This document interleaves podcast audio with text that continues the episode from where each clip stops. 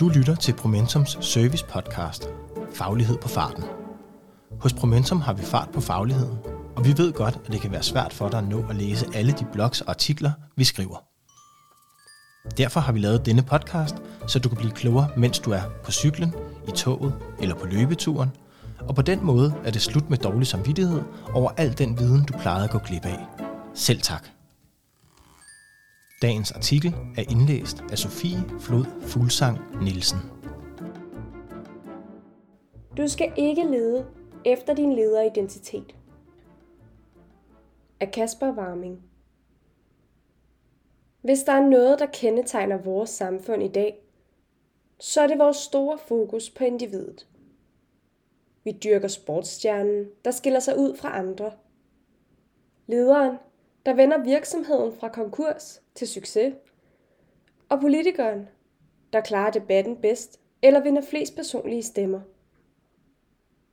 Ledelseskommissionen fulgte også denne trend i deres rapport fra sidste år, hvor de fokuserer meget på den enkelte leders ansvar og kompetencer. Blandt andet fremkommer de med den anbefaling, som snarere lyder som en befaling, om at lederen skal have en stærk lederidentitet. Men der er to problematiske forhold i den måde at tænke på. For det første misser vi pointen med ledelse, når vi udskiller lederen fra den helhed, hun er en del af. Og for det andet er lederidentitet et problematisk begreb. For selvom det benyttes i rapporten i den simple betydning, om den enkelte leder ser sig selv som leder, modsat at se sig selv som fagprofessionel, så installerer den tanken i os om, at vi har en lederidentitet. Og den tanke gør os nysgerrige på, hvem vi er som ledere. Og selvom det kan virke mærkeligt, at det skal komme fra en filosof, så er det faktisk problematisk. Lederidentitet. Identitet som psykologisk begreb handler om, hvordan man opfatter sig selv. Hvad er det, der gør mig til mig? I denne kontekst bliver spørgsmålet, hvem er jeg som leder? Og med dette psykologiske spørgsmål leder lederen efter sig selv. Men det interessante er jo, at jo mere vi leder, jo mere frustreret og selvcentreret bliver vi. Og hvorfor egentlig det?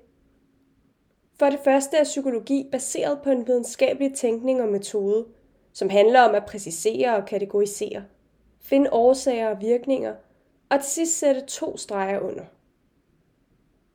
Videnskab er en objektiv metode, og dermed skal den bruge et objekt, det vil sige en genstand, som skal undersøges. Derfor har man i nogle dominerende psykologiske retninger gjort selvet til en kerne, således at den kan undersøges videnskabeligt. Men der er intet bevis for, at selvet er en kerne.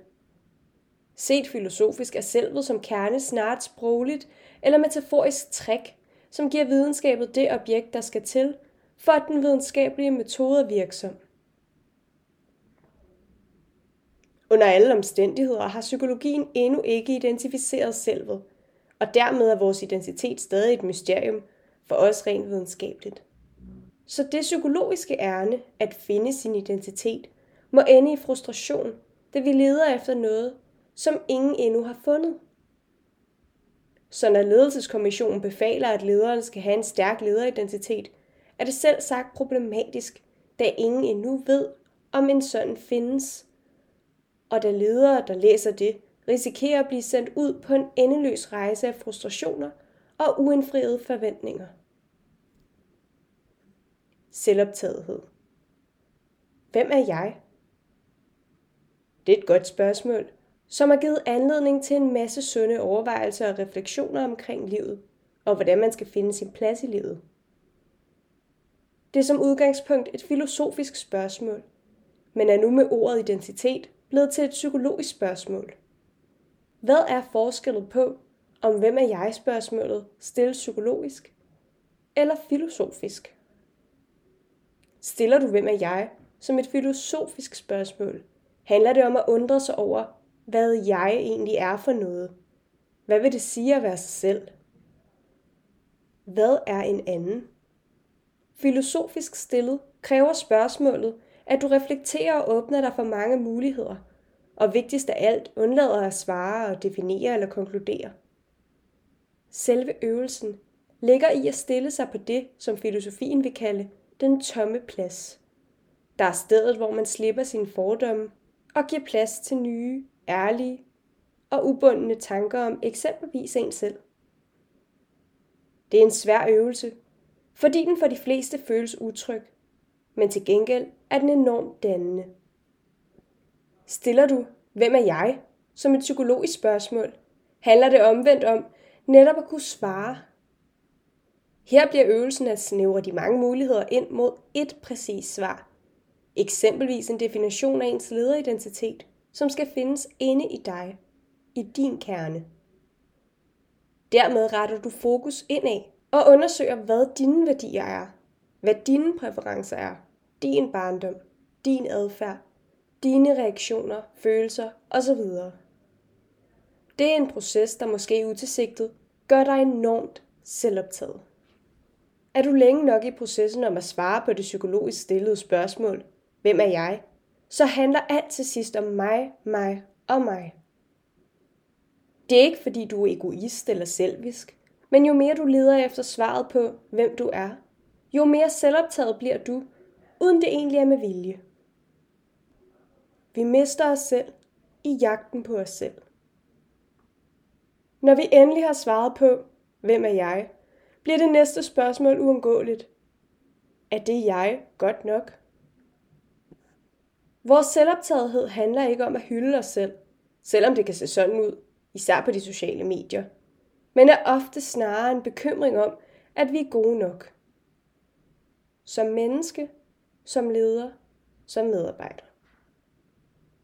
Vi vil jo gerne udvikle os og blive et bedre menneske eller en bedre leder, men netop fordi vi vil det, kan vi ikke slippe blikket fra os selv.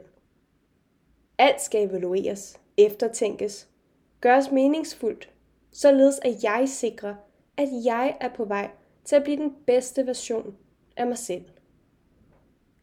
Men du bliver aldrig den bedste version, hvis du fokuserer på dig selv. Du bliver faktisk slet ikke dig selv, for du kan ikke både observere dig selv og være dig selv på samme tid. Du bliver tværtimod netop den version af dig selv, som observerer dig selv hele tiden, og dermed tøver med at være dig selv, og derfor ender med at føle dig kajtet. Vi mister derfor os selv i jagten på at finde vores identitet. Vi mister fornemmelsen af, hvem vi er, i vores ihærdige forsøg på at besvare spørgsmålet, hvem er jeg? Ikke så meget fordi vi bliver dummere af at besvare spørgsmålet. Der er meget i den proces, vi bliver klogere omkring. Men fordi vi bliver tøvende og kajtet, og fordi at vi i vores selvoptagethed bliver mindre forbundet med verden omkring os. Vi er ingenting i os selv. Hvad er en leder uden medarbejdere? Hvad er et selv, uden nogen bekræfter det? Hvad er kærlighed, uden nogen at give den til? Og hvad er en mor uden et barn? En kunstner uden et publikum? En virksomhed uden et marked? En børnehave uden børn? Og hvad er et menneske uden andre mennesker? Hvad er noget overhovedet uden en verden omkring at relatere til? Ingenting. Før i tiden troede vi, at solen drejede sig rundt om jorden. Nu ved vi, at jorden ikke er universets centrum, men blot en uendelig lille prik i noget uendeligt meget større. På trods af den erkendelse går vi stadig ud fra, at alt på jorden drejer sig om os, mennesket. Vi ved godt, at det ikke er sådan, men vi taler om os selv som noget andet end naturen omkring os. Som om vi står over for naturen og beskuer den som et objekt. I vores selvoptagethed har vi mistet vores forbundhed med naturen. Altså det faktum, at vi hver især blot er et stykke natur, bestående af de samme atomer som verden omkring os. Vi har den opfattelse, at vi er anderledes end alle andre dyr. Ja, faktisk, at vi slet ikke er et dyr, men noget andet og mere. Vi producerer unaturlige teknologiske ting, såsom biler og computer med kunstig intelligens. Men hvordan kan noget, som er natur, mennesket, skabe noget unaturligt. En bil er atomer sammensat på en bestemt måde, ligesom en sten er det. Begge dele må være naturlige. Og når mennesket udvikler nye teknologier, adskiller det sig ikke fra, hvordan naturen udvikler nye former for liv igennem mutationer eller andre biologiske processer. I vores samfund i dag har man meget fokus på individet. Det er vigtigt, at man er selvkørende og autentisk, at man så at sige kan stå selv og stå ved sig selv. Men hele ideen om individet og det, der identificerer det, leverer ny bakterieforskning nu et velanrettet slag imod. Denne forskning vil spørge, hvad er et menneske uden milliarder og atter milliarder af bakterier? Og den vil svare, ingenting. Bakteriologi og ledelse. Ny bakterieforskning er godt i gang med at bevise, at du ikke vil være til stede uden de mange milliarder af encellede organismer, som lever i dig og med dig. Kort sagt, din krop er ikke bare din krop, men et omvandrende økosystem af forbundne og gensidigt afhængige organismer. Et godt eksempel er koen, som ikke selv kan nedbryde og fordøje det græs, den spiser. Det gør i stedet de milliarder af bakterier, der lever i dens tarme. Det er den gensidige forbundethed mellem den store organisme og de milliarder af små organismer, der har skabt koen som den vi kender den i dag. Evolutionen er ikke survival of the fittest. Det er i mindst lige så høj grad baseret på gode strategier for samarbejde og gensidig forbundenhed. Koen, som vi kender den i dag, er blevet til gennem et langstrakt evolutionært samarbejde med de bakterier, der har udviklet sig sammen med koen.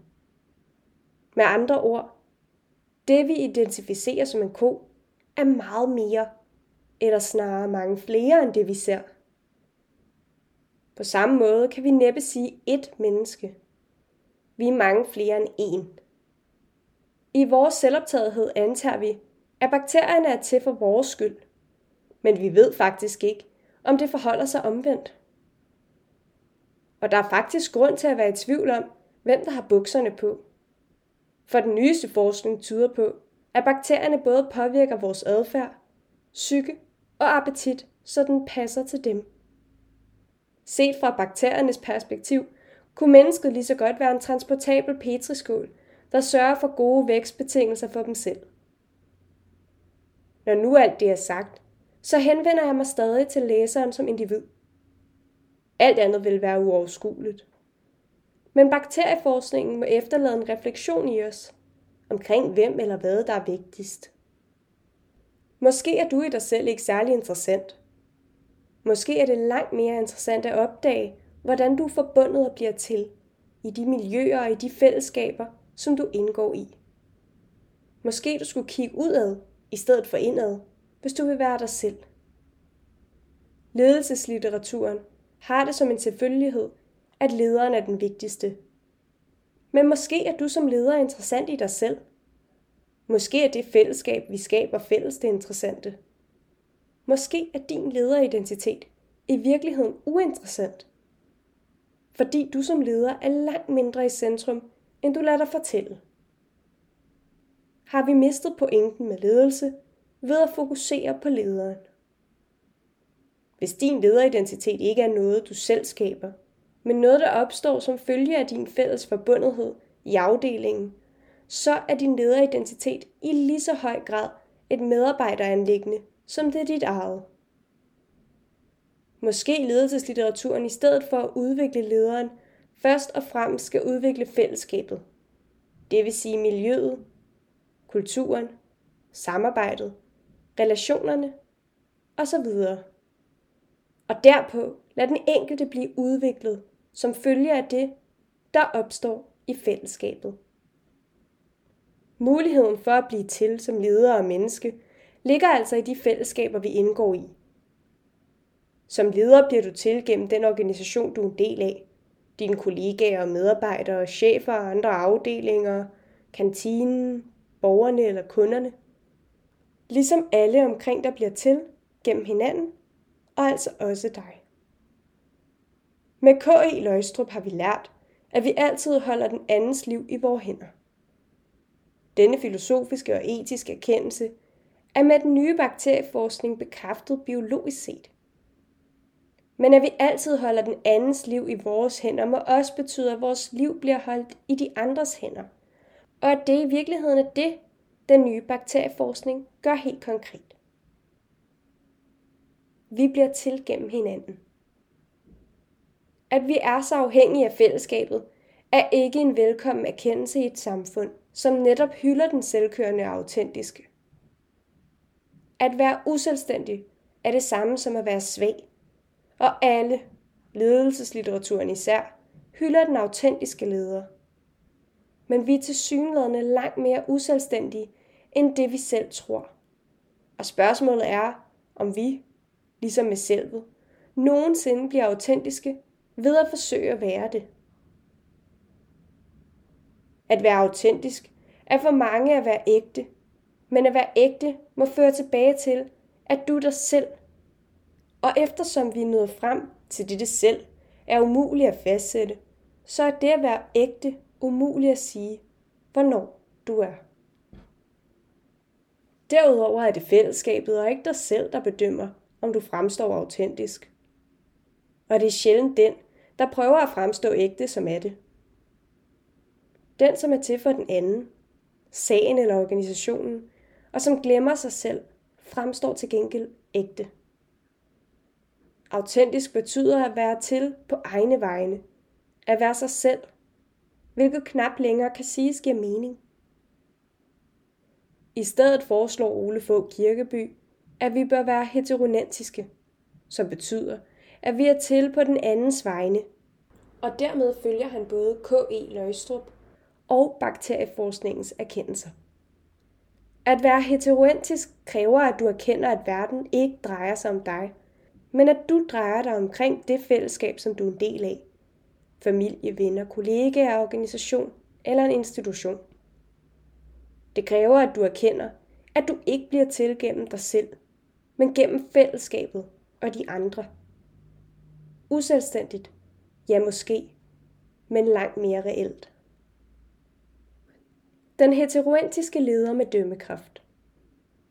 Den heteroentiske leder ved, at hendes lederskab i lige så høj grad hviler på hendes medarbejderes skuldre, og at hun er gensidigt afhængig af hendes medarbejdere og kollegaers velvilje, evner og lyst til at samarbejde. Hun ved, at alle omkring hende er gensidigt forbundne, og at alles performance er afhængig af de andres. Hun ved, at alle, inklusiv hende selv, er en del af en større helhed. Både for lederens egen og for fællesskabets skyld, er den heteroentiske leder til stede på fællesskabets vegne, og således skaber de bedste betingelser for fællesskabet. Og samtidig gennem de handlinger, hun udfører, og beslutninger, hun træffer på fællesskabets præmisser, vil hun blive til som leder. Den vigtigste evne til at kunne fornemme den helhed, man er en del af, og ikke mindst evnen til at tage beslutninger på denne helheds vegne er dømmekraft. Denne evne er gennem historien erkendt som den væsentligste dyd, en leder bør have, og for at træne din dømmekraft, skal du turde filosofere. Du skal turde reflektere ærligt over, hvorfor du vælger, som du gør, og stille spørgsmålene. Handler dette egentlig om mig? Eller i virkeligheden om noget andet? De andre? Hvis jeg ikke er i centrum, hvem eller hvad er så? Kræver dette overhovedet en handling fra mig? Nyt ideal for ledelse. Tager vi konsekvensen af de erkendelser, som denne artikel argumenterer for, må det føre til et nyt ideal for ledelse. Lederidealet, som det fremføres i ledelseslitteraturen, og ikke mindst den daglige tale i organisationerne, er, at lederen skal have autenticitet og handlekraft. Over for dette ideal stiller denne artikel hermed et nyt, som lyder Lederen skal have heteroenticitet og dømmekraft. Det kræver, at ledelseslitteraturen ikke henvender sig til lederen som den vigtigste, og dermed understøtter ledelsens selvoptagethed, men henvender sig til alle. Det vil sige henvender sig til mennesket. Det skal med andre ord være lige så interessant for en medarbejder uden ledelsesansvar at læse en ledelsesbog.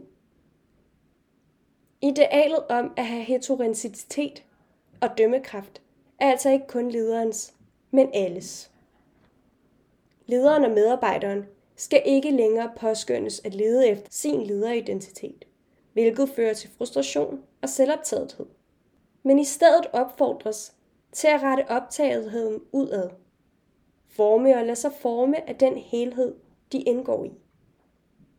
Gennem denne indstilling trænes den vigtigste dyd, nemlig dømmekraften, som i sidste ende er evnen, der kan bringe os tættest på følelsen af at være os selv.